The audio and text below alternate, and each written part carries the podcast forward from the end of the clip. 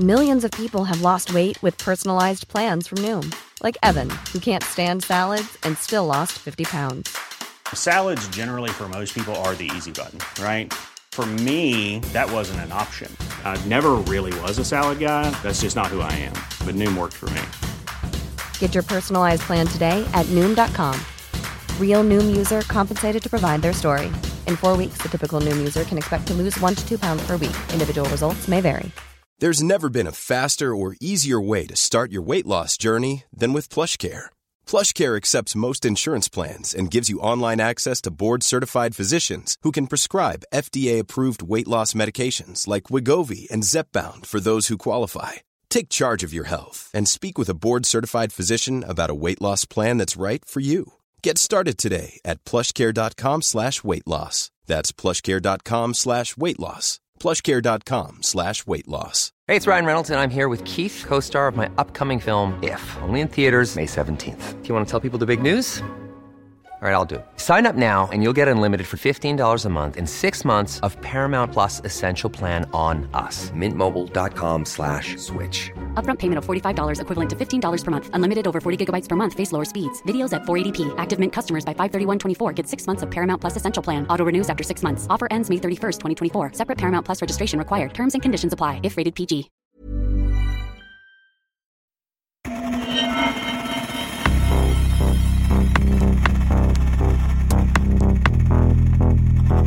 Expect more attacks on the government. They caused a lot of damage. In any computer crime, you want to look for the digital footprints. Dataintrång där interna handlingar läckte The ut. shadowy group behind the hacking attack on the Federal Reserve. breaking into files. Beskriver dataintrången så mycket avancerade. This is just the beginning. We will respond, respond, respond, respond. Nätets mörka sida. Sanna historier om brottslighet på internet. Du lyssnar på del två av Operation Glowing Symphony. Jag heter Marcus Porsklev och det här är nätets mörka sida. Sanna historier om brottslighet på internet. Det här är historien om hur USA helt enkelt hackade IS, förstörde i princip hela deras infrastruktur på internet och utförde det som kom att kallas för Operation Glowing Symphony. När vi avslutade del 1 så hade precis några andra gett sig in i kampen mot IS. Operation ISIS has been fully engaged. We are anonymous. We are legion. We never forgive. We never forget.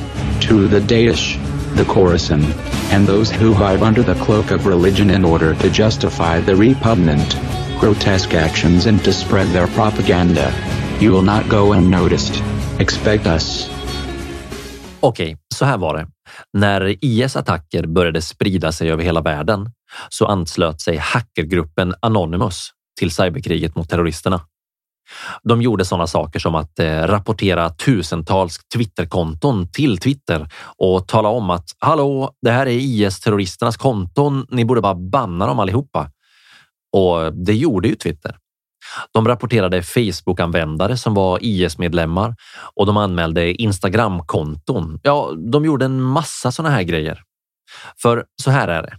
Om det är någonting som Anonymous är riktigt bra på så är det att ta reda på vilka folk egentligen är och avslöja dem. De fick mängder av konton nedstängda över hela världen. Det finns rapporter som säger att över 10 000 konton på sociala medier togs ner på grund av Anonymous aktivism i kriget mot IS. Och samtidigt så hackade Anonymous även IS webbsidor och började plocka ner dem.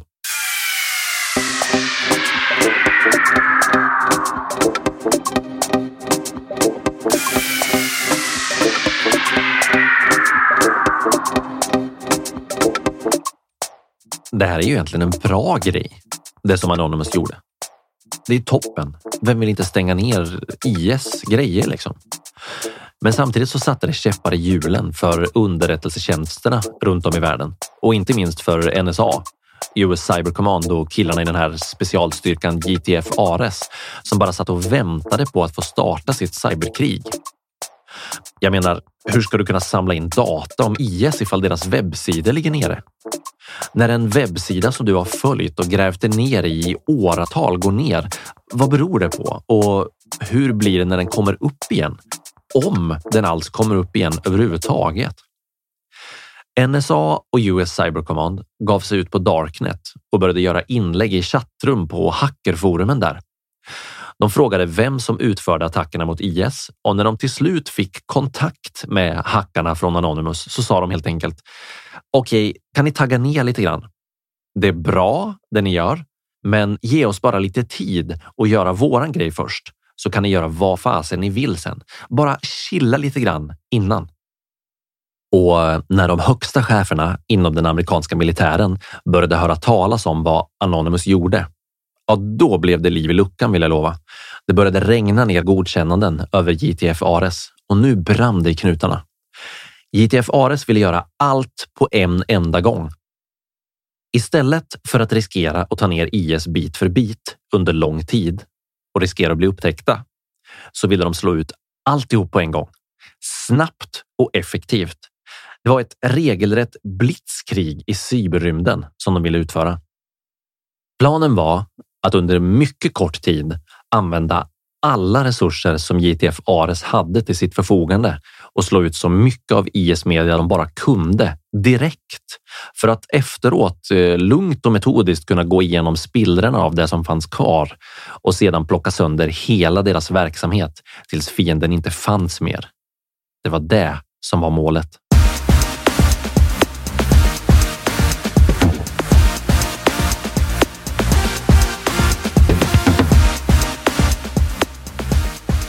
Egentligen är ju inte NSA och US Cyber Command några helgon direkt. Tvärtom kan de ofta vara riktiga bad guys. De tar ständigt fram nya sätt att spionera på oskyldiga civila människor. De samlar på sig svagheter i olika mjukvaror och talar inte om för tillverkarna att det finns buggar i deras program för att de själva ska kunna utnyttja dem. De eh, arbetar med att försvaga och knäcka kryptering och de skapar bakdörrar i koden så att de själva ska kunna ta sig in och förstöra saker som inte passar deras syften. Allt det här är ju läskigt och det är verkligen inte bra när NSA går så långt att de börjar snoka i folks privatliv. Privatliv och personlig integritet på nätet är ju viktigt, så sabba inte det. Men just i det här fallet när deras mål var att decimera IS och stoppa spridningen av terroristpropaganda, hindra rekryteringen av nya terrorister och på så sätt i förlängningen även hindra nya terrordåd från att ske. Ja, då är jag all for it. Bara kör på med allt ni har. Det finns inte många tillfällen som jag kan komma på när jag tycker det är okej okay att hacka människors privata datorer och förstöra det de har på sina hårddiskar. Men i fallet med Operation Glowing Symphony så var det definitivt värt det. Att slå ut världens största, världens rikaste och världens mest teknologiskt avancerade terroristgrupp. Det är faktiskt inte så svårt att ställa sig bakom.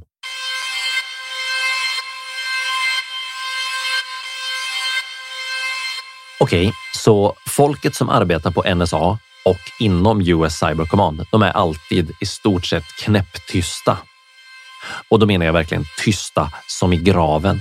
De säger oftast inte ett enda ord om vad de sysslar med och typ allt de gör är hemligstämplat. Faktum är att de aldrig någonsin tidigare har erkänt att de har varit ansvariga för några cyberattacker alls. Nada, zip, zilch, zero, ingenting. Men en sak har de kommunicerat till allmänheten och det är att de utförde Operation Glowing Symphony.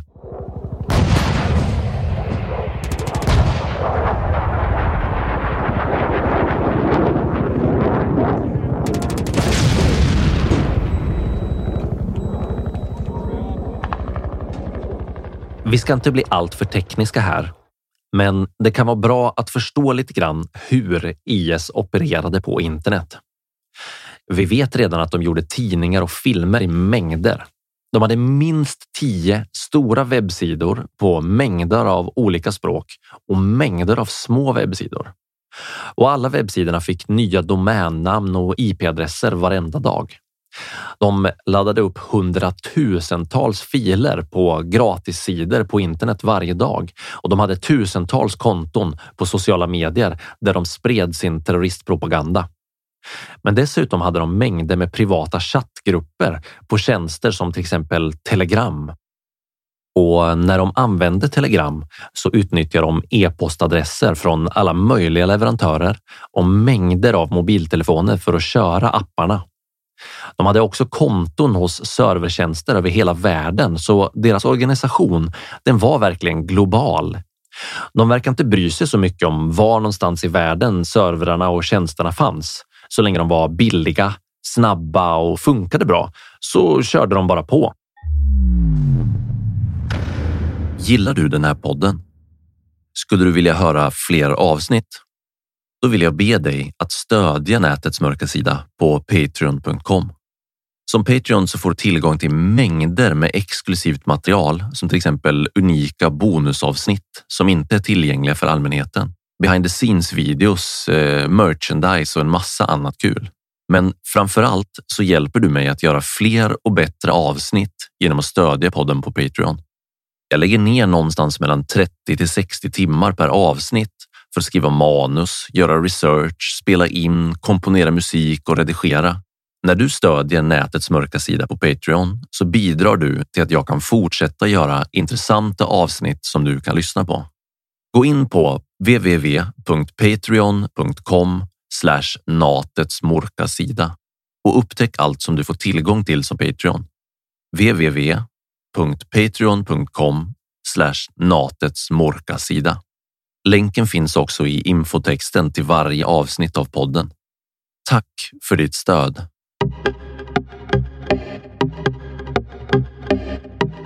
Så nu kanske du undrar hur JTF Ares egentligen gjorde för att kunna hacka allt det här.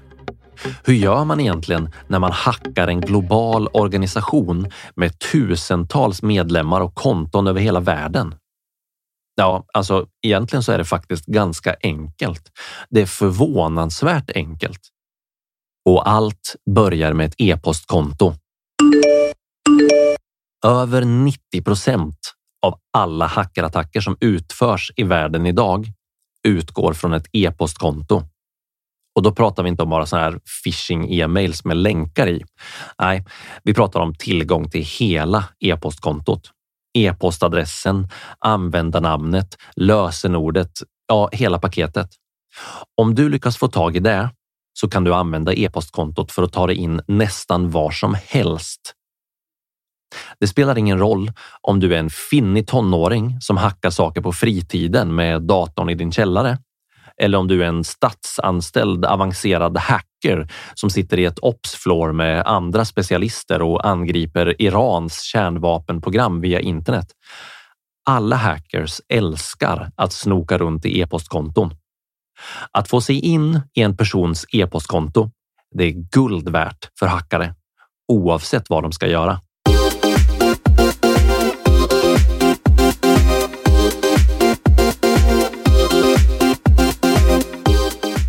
Vadå e-postkonton? Kanske du tänker nu. Varför skulle det vara en sån stor grej? Ja, men tänk efter nu.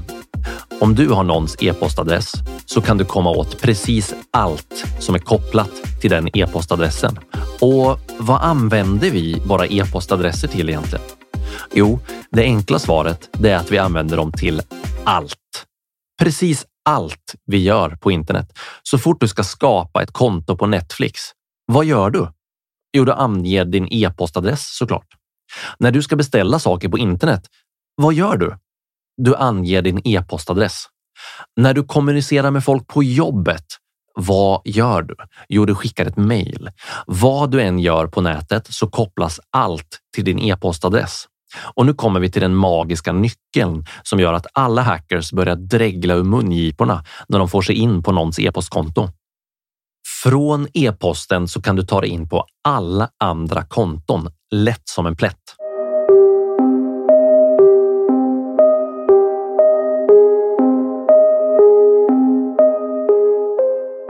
Oj, jag har visst glömt mitt lösenord till jobbets datasystem. Eh, det är nog bäst att jag klickar på Har du glömt ditt lösenord? Och anger min e-postadress så kommer en länk till min e-post som jag kan klicka på och byta lösenord så att jag kan ta mig in igen. Smidigt, enkelt och bekvämt. Men om det är hackern som klickar på “jag har glömt lösenordet” och inte du själv, ja då äger hackern dig. Varenda grej som du har konton på, från Skatteverket till dina privata bilder, allt går att komma åt genom att gå vidare från ditt e-postkonto. Det är hur enkelt som helst och samtidigt genialiskt om man som hackare har onda avsikter. Eller som här i fallet med Operation Glowing Symphony. Om man har goda avsikter, i alla fall sett ur större delen av världens befolkningsperspektiv. Så dra lärdom av det här. Skydda din e-postadress. Prioritera att göra den säker. Ge den ett långt, komplext lösenord och inte minst aktivera tvåfaktors autentisering. Om inte du redan har gjort det, tryck på paus nu direkt och gör det innan du lyssnar vidare.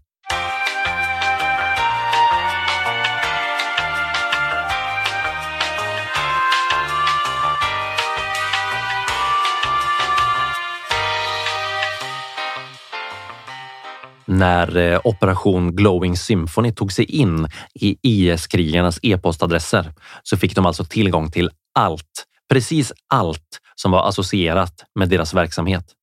Det var inte så att de bara använde sig av ett enda sätt att ta sig in i systemet på.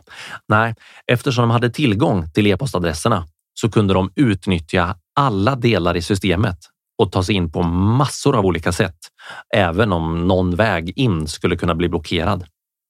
Men eh, de kunde inte bara storma in en efter en och slå ut målen helt random. De visste att det bara var en tidsfråga innan de skulle bli upptäckta och att IS skulle börja göra livet surt för dem och kasta ut dem ur alla system.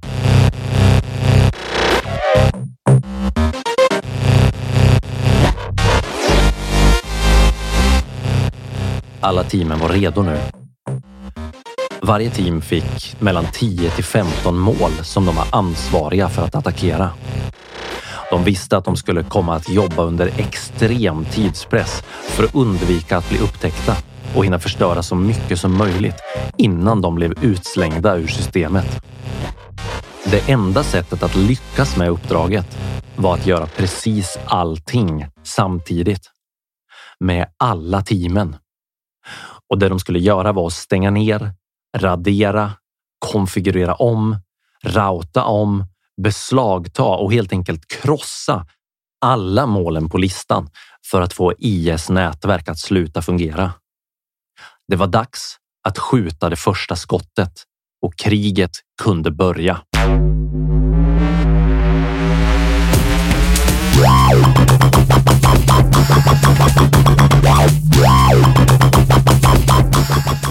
Allt var planerat in i minsta detalj.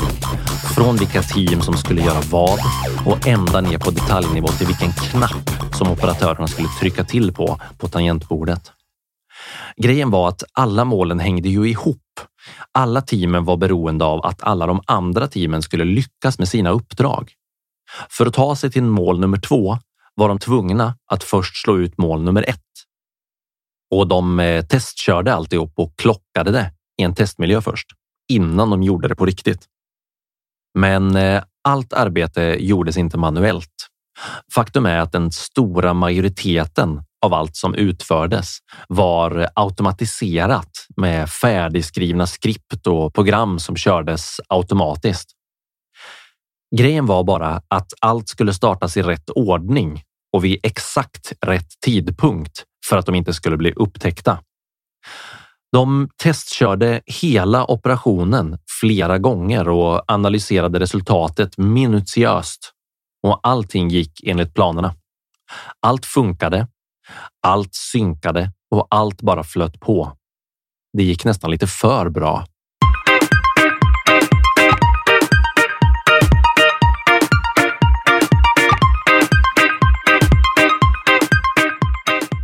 Det sista de behövde göra var att ringa in ett tidsfönster och bestämma exakt när de skulle genomföra Operation Glowing Symphony på riktigt.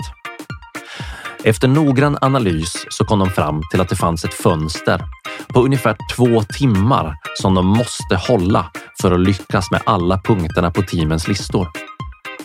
Tänker du som jag nu? Två timmar? Det är ju eoner av tid. Hur fasen kan det vara så mycket tid? Självklart hade de inte två timmar på sig. De hade tio minuter. Två timmar, det var den tid de hade på sig att förstöra precis allting. Men de första tio minuterna var det som avgjorde om de skulle lyckas ta över systemen eller inte. När de första tio minuterna hade gått skulle de veta om de hade lyckats eller om alla deras förberedelser under två år hade varit förgäves. Och sen, sen blev det go time. Nu började kriget.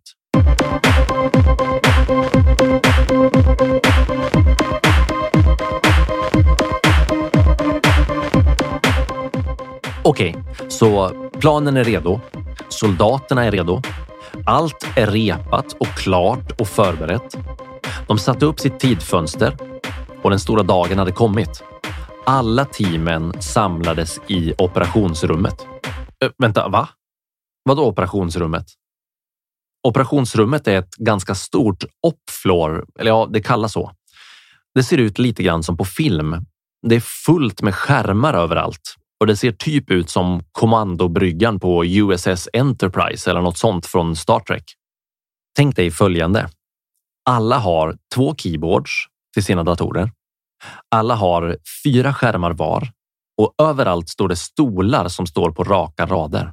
Det sitter gigantiska tv-skärmar på alla väggar, både rakt fram och på sidorna. Och de visar eh, infrastrukturkartor, eh, kameraövervakning, världskartor. Ja, allt det där är liksom igång och ljuset är dimmat och svagt. Alla är redo och de sitter framför sina skärmar med händerna på tangentbordet. De vet att de har tio minuter på sig att ta över terrorgruppen IS nätverk och de måste lyckas. Det finns bara en sak de väntar på. Ett sista samtal på telefon till högkvarteret för att få grönt ljus. You are cleared for takeoff.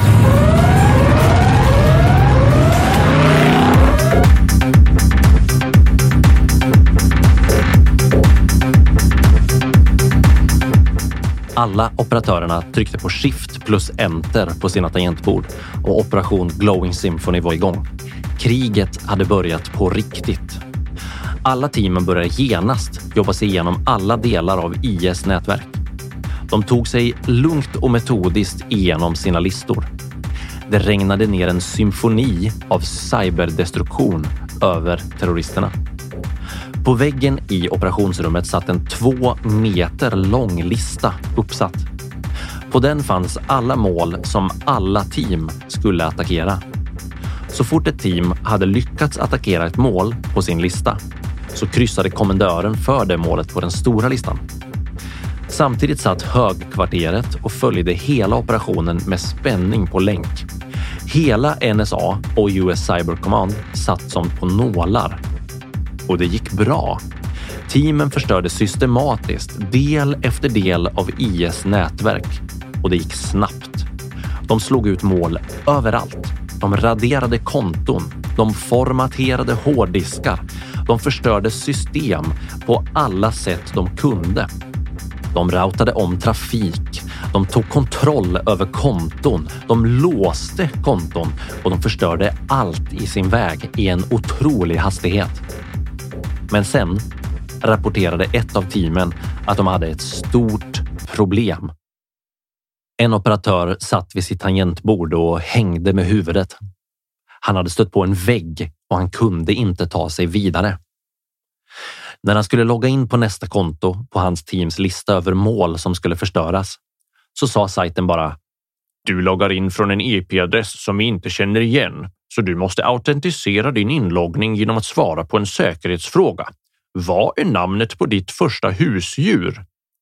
Och alla i teamet bara Oh shit, det här har vi ingen koll på. Hur fasen ska vi kunna veta det?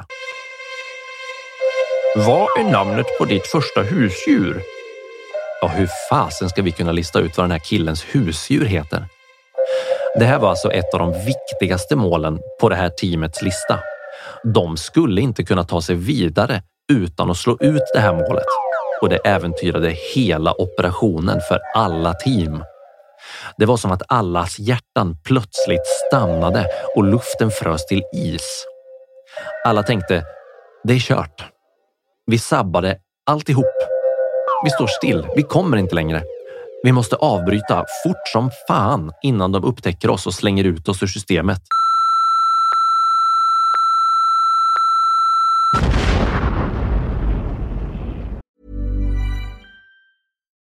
Millions of people have lost weight with personalized plans from Noom, like Evan, who can't stand salads and still lost 50 pounds. Salads, generally, for most people, are the easy button, right? For me, that wasn't an option. I never really was a salad guy. That's just not who I am. But Noom worked for me. Get your personalized plan today at Noom.com. Real Noom user compensated to provide their story. In four weeks, the typical Noom user can expect to lose one to two pounds per week. Individual results may vary. Hiring for your small business? If you're not looking for professionals on LinkedIn, you're looking in the wrong place. That's like looking for your car keys in a fish tank. LinkedIn helps you hire professionals you can't find anywhere else, even those who aren't actively searching for a new job but might be open to the perfect role. In a given month, over 70% of LinkedIn users don't even visit other leading job sites. So start looking in the right place. With LinkedIn, you can hire professionals like a professional. Post your free job on linkedin.com slash people today. Men sen ställer sig en av analysteknikerna upp. Det är en av killarna som har varit med från allra första början och följt alla delar i hela processen. Och han säger 15-15. Och alla andra bara, va? Vadå 15-15? Nej, det står ju, vad är namnet på ditt första husdjur? Det måste ju vara Spike eller Bob eller något sånt. Men killen står på sig. Nej, det är 15-15. Det är alltid 15-15 med den här killen. Och alla bara, okej, okay, vi testar, eh, testa 15-15 och boom så är de inne.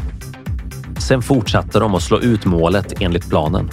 Det är ju egentligen helt otroligt.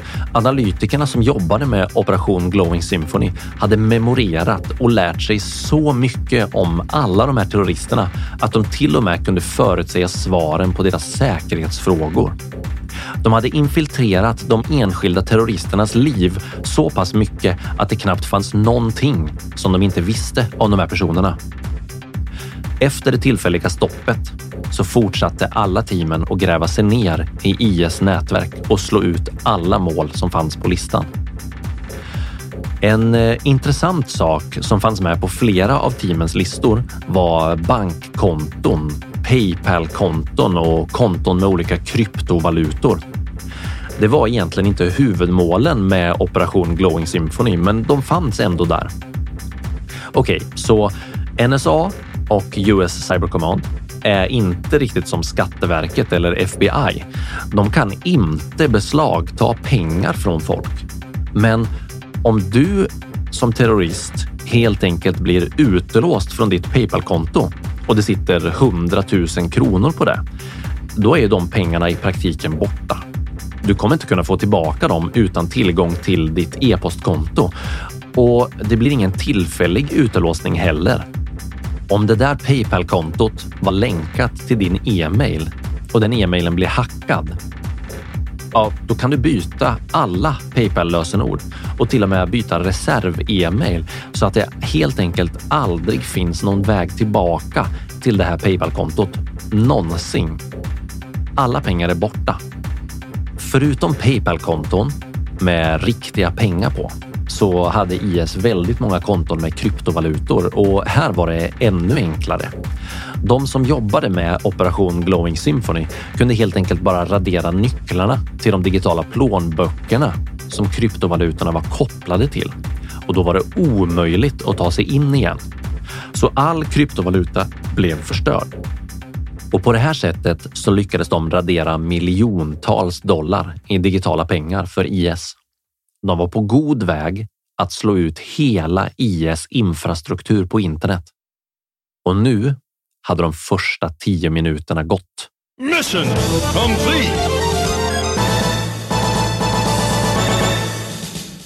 JTF Ares hade tagit över i princip hela IS nätverk på tio minuter.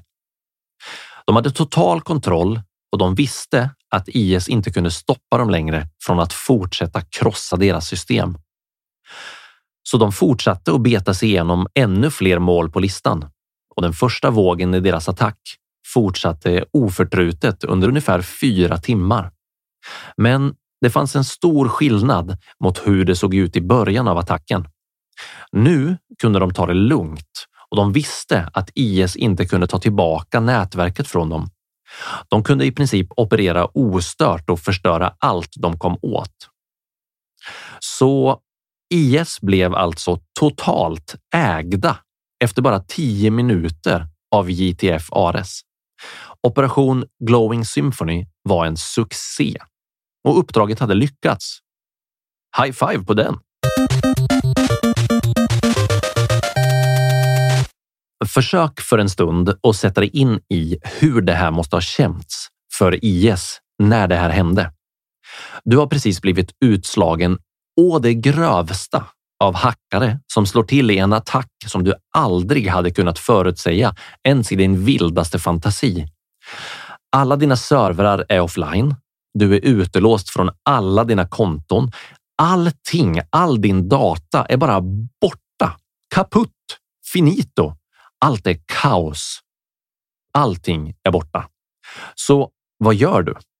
Jo, en sak är säker. Du säger ju inte bara ja, ja, det var det.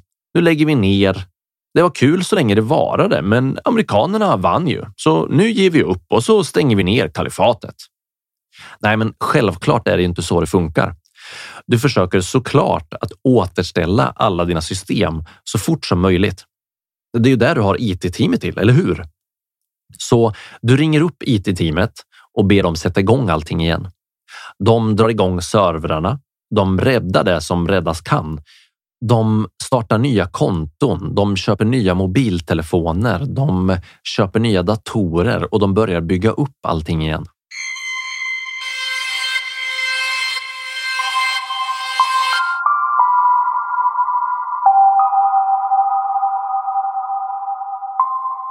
Så även om Operation Glowing Symphony blev otroligt effektivt på en gång så började IS sakta komma tillbaka online igen.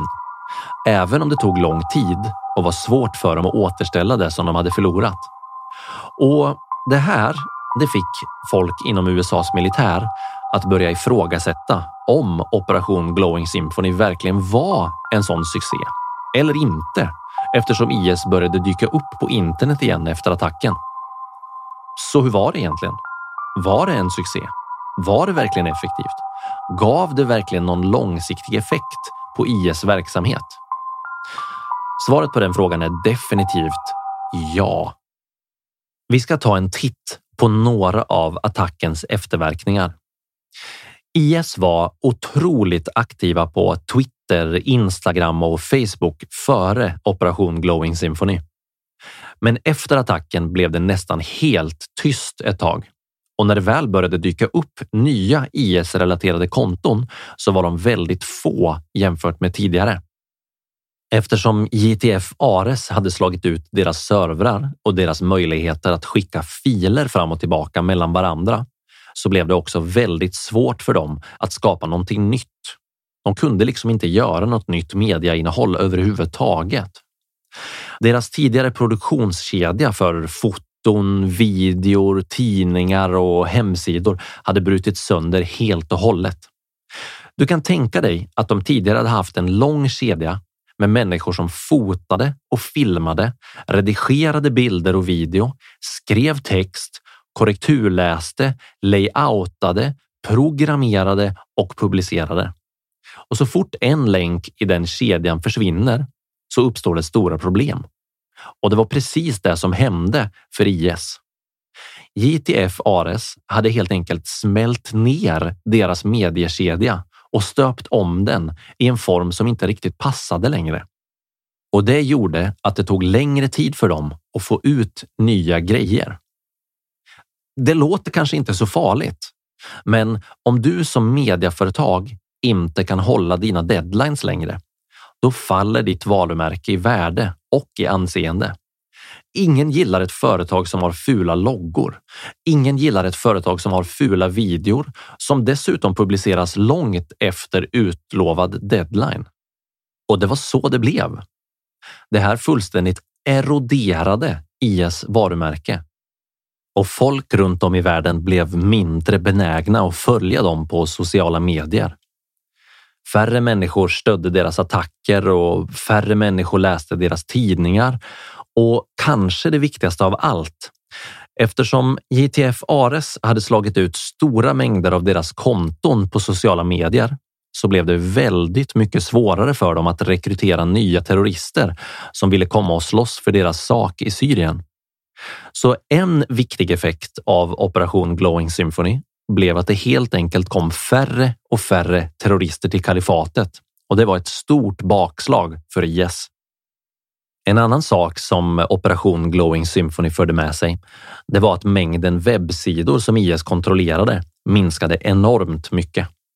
I början efter attacken var det helt tyst, men efter ett tag började nya hemsidor med IS propaganda smyga sig upp på internet igen. Men de återhämtade sig aldrig helt och hållet. Faktum är att mindre än 40 procent av alla webbsidor kom upp igen. Det betyder alltså att Operation Glowing Symphony helt enkelt raderade 60 procent av alla IS-sidor permanent. Och dessutom så fanns ju JTF Ares kvar även efter den första attacken. Och så fort det dök upp nya IS-sidor, ja, då väntade amerikanerna bakom hörnet och slog ut dem igen. Och igen. Och igen. I operationsrummet pågick det aktivitet dygnet runt efter den första attacken. Så fort något nytt IS-relaterat dök upp på internet så fördes det upp på listan över mål och sen togs det ner. Nytt mål, ta ner det. Nytt mål, ta ner det. Och så fortsatte det. JTF Ares fortsatte bekämpa IS inom ramarna för Operation Glowing Symphony på det här sättet i sju månader efter den första dagen när de hade startat cyberkriget. Och när de hade sysslat med det här i sju månader och konstant stängt ner IS-sidor så fort de dök upp så kunde de konstatera att över 90 procent av alla sidor aldrig dök upp igen. Ett annat sätt att se hur effektivt Operation Glowing Symphony verkligen var är att ta en titt på IS tidningar och se vad som hände med dem. IS hade två stora tidningar vid den här tiden. Rumia och Dabik var IS flaggskeppstidningar. De kom ut månadsvis och bestod av 50 till 60 sidor med text, foton av bra kvalitet, videor med hög kvalitet, spännande historier och reportage och fullt med instruktioner om hur man kunde utföra nya attacker. Dessutom fanns det ofta hyllningsreportage om gamla attacker och intervjuer med IS ledare för att inspirera anhängarna. Det här var ur ett strikt produktions och layout-tekniskt perspektiv riktigt professionella tidningar av hög kvalitet. De gavs ut på fler än tio språk varje månad och när Operation Glowing Symphony gick igång, då var Rumia den nya tidningen som var på uppgång. Den kom ut ungefär var 28 dag när attackerna började. Målet var att få ut tidningen på månadens första dag enligt den islamiska kalendern. Månaden efter operationens första attack kom tidningen ut efter 36 dagar. Tidningen var en hel vecka försenad och attackerna från JTF Ares fortsatte månad efter månad och utgivningen försköts med några dagar för varje nummer som kom ut. Till slut blev tidningen så försenad att de tappade nästan alla sina läsare och utgivningen stoppades. Varumärket var helt enkelt förstört och IS övergav Rumia helt och hållet. Det tog lång tid för dem att ge upp och det tog mycket arbete att skada deras varumärke så pass mycket att de inte kunde hålla uppe produktionen längre. JTF Ares satte käppar i hjulen för tidningens redaktion genom att hacka deras konton, radera deras filer, krossa deras servrar och till slut så orkar de inte med det längre och de gav upp. Det finns en intressant sak i allt det här. Så vitt jag vet så har USAs regering aldrig någonsin erkänt att de har utfört någon cyberattack överhuvudtaget. Nada, zip, zilch, ingenting. Förrän nu. Det här är första gången som de har sagt offentligt att de har förstört datorer, hårddiskar, nätverk, hemsidor, konton med en cyberattack. Och det är stort. Visserligen så har ju arbetsbeskrivningen för Marfor Cyber alltid innehållit formuleringen att de ska genomföra offensiva cyberoperationer. Men det här var första gången som de faktiskt lyfte på locket och sa Jepp, det var vi som gjorde det. Och det här kriget är ju inte slut. JTF Ares är fortfarande i allra högsta grad igång och bekämpar mål på internet varje dag. För varje dag som går så sitter den amerikanska statens egna specialisthackare och förstör mål och gör det svårare för terrorister över hela världen att arbeta.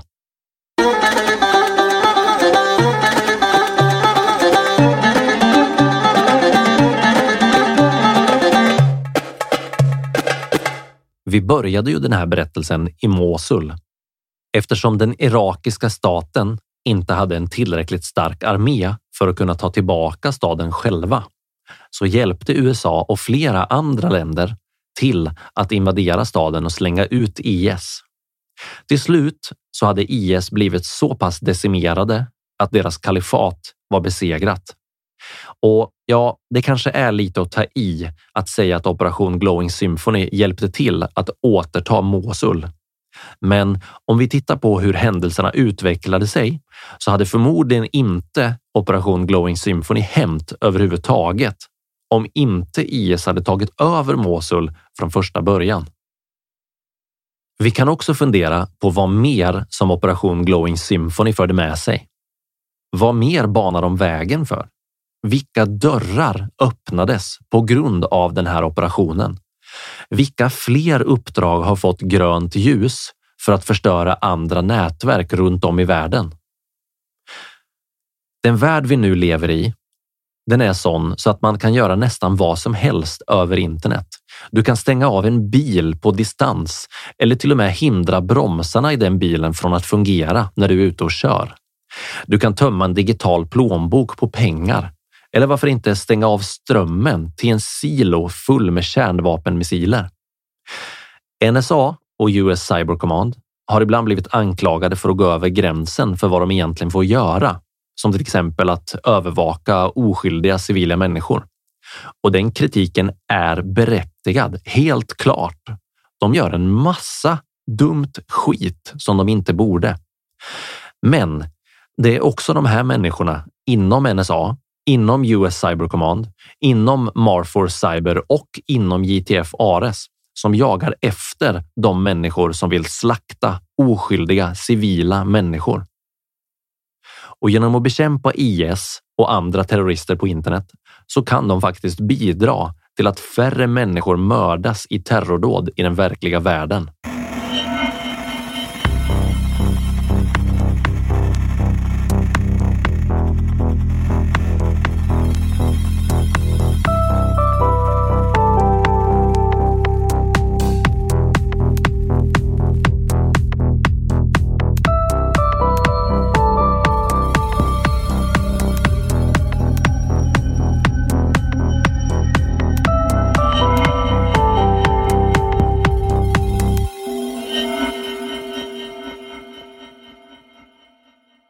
Gå genast och se till att du har ett säkert lösenord till din e-post. För även om inte JTF Ares jagar just dig så lever alla internetanvändande människor på jorden under ett konstant hot att bli hackade.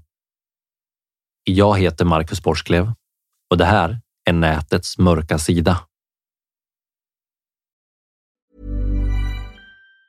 Even on a budget, quality is non-negotiable. That's why Quince is the place to score high-end essentials at 50 to 80% less than similar brands. Get your hands on buttery soft cashmere sweaters from just 60 bucks, Italian leather jackets, and so much more. And the best part about Quince, they exclusively partner with factories committed to safe, ethical, and responsible manufacturing. Elevate your style without the elevated price tag with Quince. Go to quince.com slash upgrade for free shipping and 365-day returns. When you make decisions for your company, you look for the no-brainers. And if you have a lot of mailing to do, stamps.com is the ultimate no-brainer. It streamlines your processes to make your business more efficient, which makes you less busy. Mail checks, invoices, legal documents, and everything you need to keep your business running with stamps.com. Seamlessly connect with every major marketplace and shopping cart. Schedule package pickups and see your cheapest and fastest shipping options from different carriers. With rates up to 89% off USPS and UPS rates. And with the Stamps.com mobile app, you can take care of mailing and shipping wherever you are. Make the same no-brainer decision as over 1 million other businesses with Stamps.com. Sign up with Code PROGRAM for a four-week trial, plus free postage and a free digital scale. No long-term commitments or contracts. That's Stamps.com. Code PROGRAM.